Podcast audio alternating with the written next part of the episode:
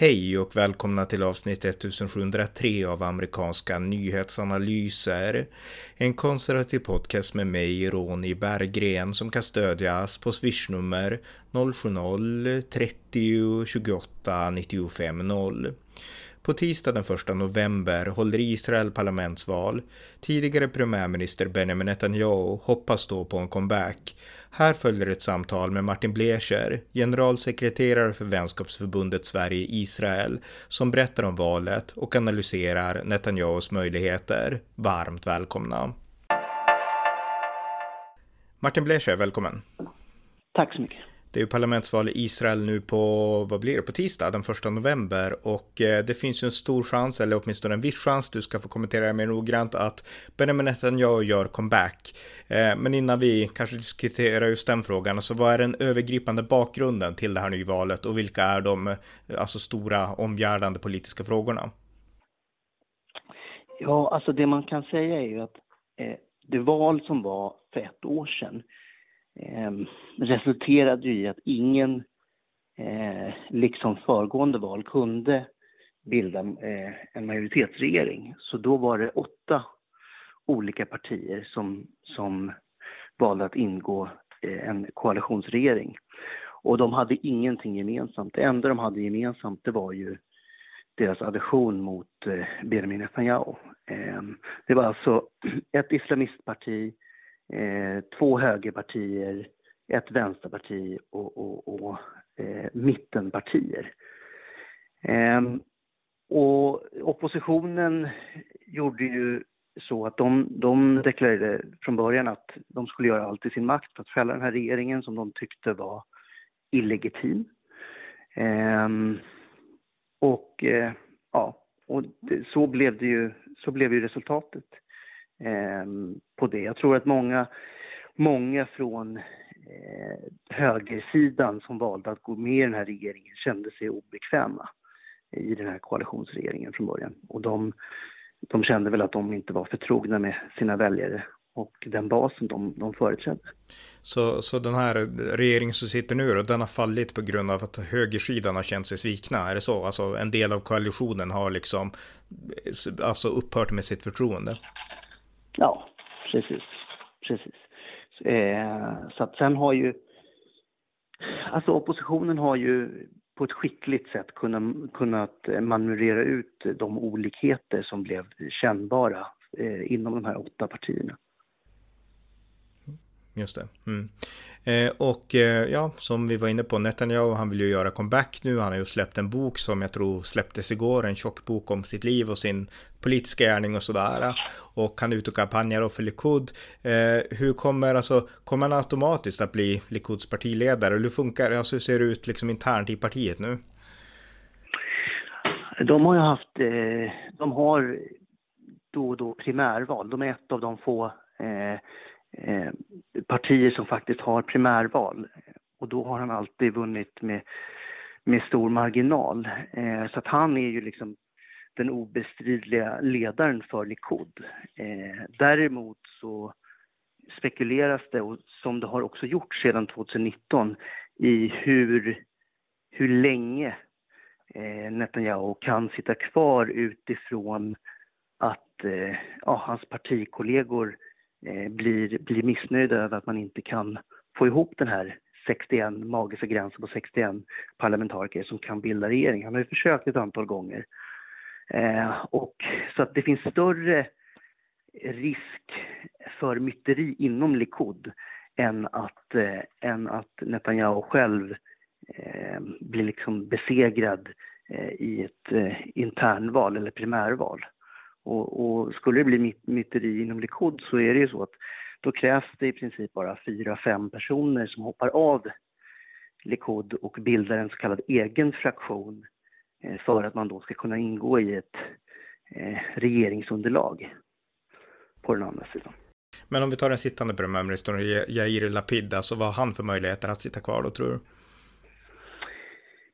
Eh, ja, han har ju haft en del framgångar eh, utifrån dels eh, överenskommelsen med, med Libanon om en ny sjö, sjömärkesgräns Eh, han har försökt navigera utrikespolitiken eh, mot en mer EU-vänlig linje eh, och inte eh, ja, försökt bygga banden med Biden och bipartisanstödet i, i, i USA. Men, men hans problem är att så fort han ökar eh, så minskar hans koalitionspartners mandat. Så att de tar ju mandat från varandra. Och eh, Yair Lapid har idag inte, alltså det israeliska elektoratet är ju eh, kraftigt högre, 60-65 procent. Så att eh, det krävs ju att eh, några högerpartier går med Yair Lapid eller hans, hans partners då för att en, en regering eh, ska kunna bildas. Så, men om ingen får 61 mandat, då sitter ju han kvar som interim premiärminister. Mm. Just det, okej, okay, okej. Okay. Ja, men om vi kommer då till frågan, alltså vilka, eh, vilka möjligheter har just Netanyahu att, att bli premiärminister igen och hur viktigt är det för Netanyahu? Alltså, han börjar ändå bli, han är, pensionär, han är ju pensionärsåldern, 70 plus någonting liksom och eh, jag menar, han känner fortfarande att han vill styra och liksom har han fortfarande en vision Netanyahu för att liksom leda landet framåt tycker du? Ja, i princip så har ju Yair Lapid förvaltat eh, Netanyahus arv utifrån det här med att han har byggt vidare på det här med Abrahamavtalen, han har byggt vidare på det här med Israels ekonomi och det är ju inte mycket som Yair Lapid idémässigt har kommit med som, som inte karaktäriseras av Netanyahu, förutom den här eh, Libanon-överenskommelsen kanske och, eh, och att man, man, har valt, vant, man har valt att orientera sig mer mot Västeuropa än Östeuropa. Men, men Netanyahu är ju, han har ju sin traditionella bas utifrån mellan 57 till 60 mandat utifrån att han eh, kontinuerligt lierar sig med eh, de religiösa i Israel och ultraortodoxa. Sen är ju frågan eh, om, om han kan få den här sista tiondelen, de här mandaten som, som saknas. Eh, och, och framförallt kan han, kan han nyorientera sin politik och sig själv. Eh, så. Just det. Mm. Så, så det, man brukar säga att hans, hans, hans största motståndare är ju han, han själv. Va? Just det. Eh, Ja, eh, ja eh, intressant. Alltså, jag, jag, ställer mig frågan, för jag, jag, kan inte så mycket. Det är ett komplicerat system där i Israel också. Det är ett väldigt komplicerat valsystem. Eh, men jag såg också nu att Israels president besöker USA. Jag tror att besöket pågår just nu, träffar Joe Biden. Eh, om vi tittar lite övergripande, vilka är de stora utrikespolitiska frågorna nu och hur påverkar de valet? Ja, de utrikespolitiska frågorna från Israels sida är ju naturligtvis, man tittar ju på det här mellanårsvalet i USA, vad som händer, eh, vem som, om det blir någon positionsförändring där och, hur det, och vad det kan, kan leda till. Eh, och sen är det också så här, eh, det är Iran som man tittar på nu också. Eh, dels vad som händer inne i Iran, men också det faktum att eh, Bidens, varken Bidens chefsförhandlare eller EUs chefsförhandlare har sagt att Eh, ja, det här blir sista avtalet utan man försöker hela tiden att, att, eh, eh, ja, att, att försöka få fram ett avtal som ska liksom rädda det här JCPOA. Mm. Och det, det, och det, är någonting, och det är någonting som, och det, och det motsätter sig väl Israel, alltså egentligen över, liksom over the board, så att säga? Ja, alltså på, på blockgränsen, alltså över blockgränserna så så motsätter man sig JCPOA. Eh, däremot så finns det ju de i säkerhetsetablissemanget som säger att eh, ja, en, en, en, en bad deal är bättre än ingen deal för att de ser ju att urananrikningen eh, ökar ju. Eh, och sådär. Men jag tror, att, jag tror att man från Israels sida hoppas att, att USA och andra västerländska eh, krafter har fått en tankeställare med tanke på det som händer i gatorna, på gatorna i Iran. Mm.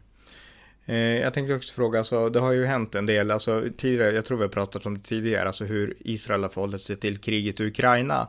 Eh, men nu på sistone så har det ju ändå varit prat om att Israel ska leverera vissa vapen till Ukraina, jag vet inte om det har blivit av eller inte, men ha, har man skiftat inställning till Ukraina-kriget på något sätt? Eh, jag vet inte om Israel har skiftat inställning till Israel eller om det är Ryssland som har skiftat inställning eh, till Israel. Nu har ju nu har man alltså från de judiska församlingarna i Ryssland har uppmanat judar att lämna Ryssland. Och det är väldigt uppseendeväckande därför att, därför att eh, de, de, de, eh, den rörelsen som är ganska stor i Ryssland som heter Chabad som företräder eh, hundratusentals ryssar eh, har stått eh, Putin eh, ganska nära. Och, men, men nu har de eh, deras eh, tillgångar och allting har blivit slagtagna och de har hotats och, och eh, man har liksom kört de här gamla antisemitiska stereotyperna att, att judarna är en del av de andra, så att säga. Så att nu finns, den ryska judenheten har upp, uppmanas nu att lämna Ryssland. Eh, från Israels sida så har man sagt att man vill inte ge, precis som du säger, eh, offensiva eller defensiva vapen just nu därför att man, man vet inte. Eh, det är ju realpolitiska eh, kalibreringar och man vet inte vad som kommer senare.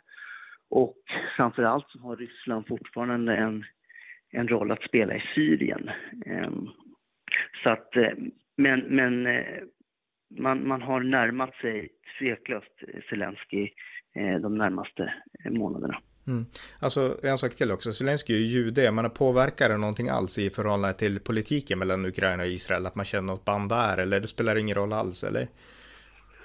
Nej, det tror jag inte, därför att det har inte gjort det för Zelenskyj tidigare. Innan, innan eh, den här invasionen eller kriget började så var han inte särskilt eh, vänligt sinnad till Israel. Eh, och, men, men däremot så klart att Israel ser ser, en, en, ser den här situationen med oro därför att det finns väldigt många eh, judar i Ukraina och, och allmänt folk som far illa. Eh, så att visst, visst har man ett intresse av att, av att hjälpa eh, Ukraina men det kan man göra på olika sätt. Det behöver man inte bara göra med, med krigsmateriel. Nej. Eh, om vi återvänder till Ryssland igen, för det du sa nyss om den här nya ökande antisemitismen i Ryssland, den kände jag inte alls till. Alltså, beror det på att man på något sätt, gör man så här i anslutning till Ukraina-kriget, att man ser judars femte kolonnare, eller gör man så här för att eh, man tycker inte att Israel är tillräckligt tillmötesgående mot Ryssland i förhållande till kriget, eller har det som sker med judar i Ryssland ingenting med liksom kriget i Ukraina att göra?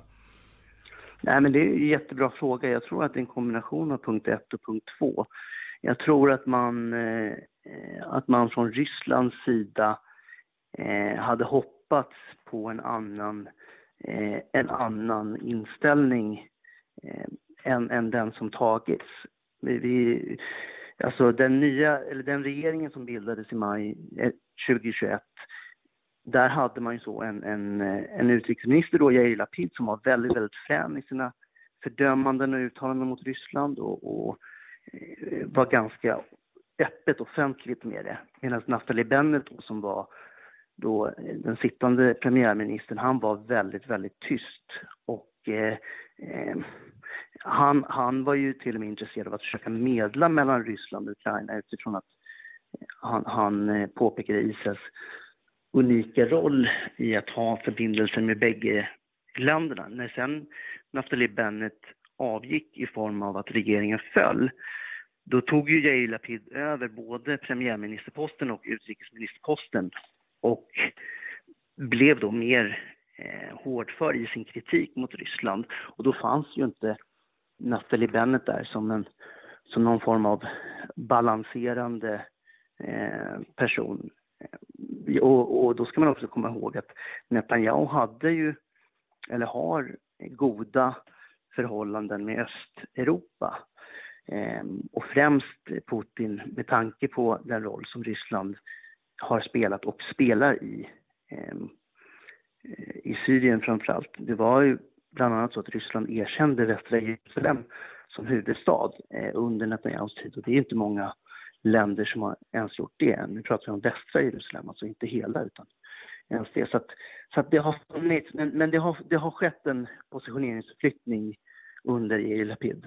Och jag tror att ryssarna är nöjda med det, samtidigt som Kreml känner sig pressat. Mm. Men, men allra sista frågan här då. Netanyahu, han har ju en slags, jag såg han intervjuades nyligen, jag tror att det var på PBS i USA. Och då spelade de upp, de, de pratade om honom och Ryssland och försökte pressa honom att han är ju liksom, för jag menar, här i Europa och USA då är det väldigt liksom svartvitt, alltså man är för Ryssland eller man är emot Ryssland. Och är man inget av dem då är man inte, då, då är man på fel sida av historien ungefär. Det är lite det narrativet. Och alla som kan Israel vi vet att det är mycket mer komplicerat där. Och Netanyahu verkar vara en balansperson, så att de hade då på PBS en sån här gammal valaffisch från 2019 tror jag, när Netanyahu står bredvid Putin, alltså i valaffischen. Och det betyder kanske inte att de är liksom ideologiska vänner, det betvivlar jag starkt att de är, men kan du förklara Netanyahus position? För han är en person som verkligen balanserar, jag menar allt. Han balanserar till liksom arabvärlden med Abraham Accords, han balanserar till Europa, till USA och till Ryssland också. Sen personligen skulle jag säga att han är ju djupt ideologiskt samhörig med USAs höger skulle jag säga då. Men alltså realpolitiken, hur balanserar han den lite kort? Nej, men det, jag tror att du har beskrivit det ganska bra. Alltså, Israel har ju inte den eh, förmånen som andra länder att, att kunna eh, att vara långt ifrån Ryssland eftersom Ryssland påverkar allt som händer i Mellanöstern i princip. Man påverkar Syrien, man påverkar Libanon, man påverkar Iran, och då, då handlar det ju just om att ha en, en, en, en, en balanseringsgång som är delikat. Eh, jag tror att eh, den valaffischen från 2019 speglade den tiden och den, den episoden som var just då. Det vill säga att man hade gjort framsteg med Ryssland och, och hade förhoppningar om att, om att det skulle bli ännu bättre. Va? Eh, sen, sen tror jag att väldigt många inte såg det här komma med Putin. Eh, och det har ju också förändrat eh, politiken i en riktning som, som, gör, eh, som gjorde det här väldigt förut, alltså svårt att förutspå. Liksom. Mm. Eh, så, att, så att det är, som du säger så är det realpolitik som styr och eh, man har ju försökt framförallt i, i förhandlingar Eh, i Iranförhandlingarna att påverka Ryssland inta en hårdare inställning. Eh, I synnerhet när man ansåg att, att USA eh, fallerade på den punkten 2015 med JCPOA. Eh, och, och, och de förbindelserna som fanns med Obama-administrationen kring just den frågan. Mm. Kan man avsluta med att bara konstatera att alltså det man kanske behöver förstå här i Sverige är att Israel upplever, alltså det är inte bara Netanyahu, utan Israel upplever att att eh, alltså den israeliska nationen är hotad, alltså främst från Iran men även från liksom radikala mindre svagare då, men ändå likväl existerande islamistiska krafter. Och just den här känslan av att ständigt vara utsatt för liksom ett övergripande nationellt hot. Det gör att man måste, man tvingas vara realpolitisk. Man kan inte alltid vara lika totalt idealistisk som vi kanske tror att vi är här i Sverige. Och att det kanske är någonting vi, vi förstår för lite om här i Sverige när det gäller Israel och Israels politik. Men jag tycker att du sätter eh, fingret på kärnan här för att Sverige är ju fredsskadat. Man brukar säga att krigsskadat brukar man prata om, men Sverige är fredsskadat på det sättet att vi har upplevt flera hundra år utan krig. Mm. Nu har vi liksom eh, vissa, vissa konflikter inne i samhället, men det går inte att likställa med, med det som, som en stor del av regionen, eh, eller världen har upplevt under, under 200 års tid. Så vi har ju kunnat anta ett teoretiskt angreppssätt i, i förhållande till konflikter. Vi är väldigt, väldigt duktiga på att prata om, om folkrätt hit och dit. Men när det väl kommer till kritan så har vi ju inte upplevt folkkrig, folkrätt i, i närtid i krigssituationer för oss själva. Eh, och det är ju ett typexempel på just det här med, med klyftan mellan idealism och, eh, och realism. Och jag tror att eh, det var ju utrikesminister Billström tydlig med också att, att eh, ja, att det skulle vara en, en realistisk eh, utrikespolitik som skulle tjäna Sverige väl utifrån att man, man skulle eh, knyta band till sin närhet. Och det är precis samma sak som Israel gör. Mm. Som sista fråga då, för att nu fick du mig in på en fråga till där. Alltså vi har ny regering i Sverige, det kanske blir en ny regering i Israel. Eh, kommer de här två regeringarna ha bättre band än Sverige och Israel haft hittills? Eh, det, det, tror jag och det hoppas jag. Eh, och eh, sen får vi se hur långt det tar, alltså hur långt eh, det, det kulminerar i. Jag tror väl inte på så här stora eh, förändringar såsom ändrat eh, röstande i FN tyvärr. Men, men det kommer absolut se, se ökad handel, vi kommer se ökad, ökad intresse för, för ländernas kultur och eh, kanske, kanske en del eh, positionsförflyttningar också. Mm. Okej, okay, men tack så mycket Martin. Ja, tack. Tack för att ni har lyssnat på amerikanska nyhetsanalyser, en konservativ podcast om internationell politik som kan stödjas på swishnummer 070-30 28 95 0 eller via hemsidan usapool.blogspot.com på Paypal, Patreon eller bankkonto. Skänk också gärna slant till valfri Ukraina-hjälp. Allt gott tills nästa gång.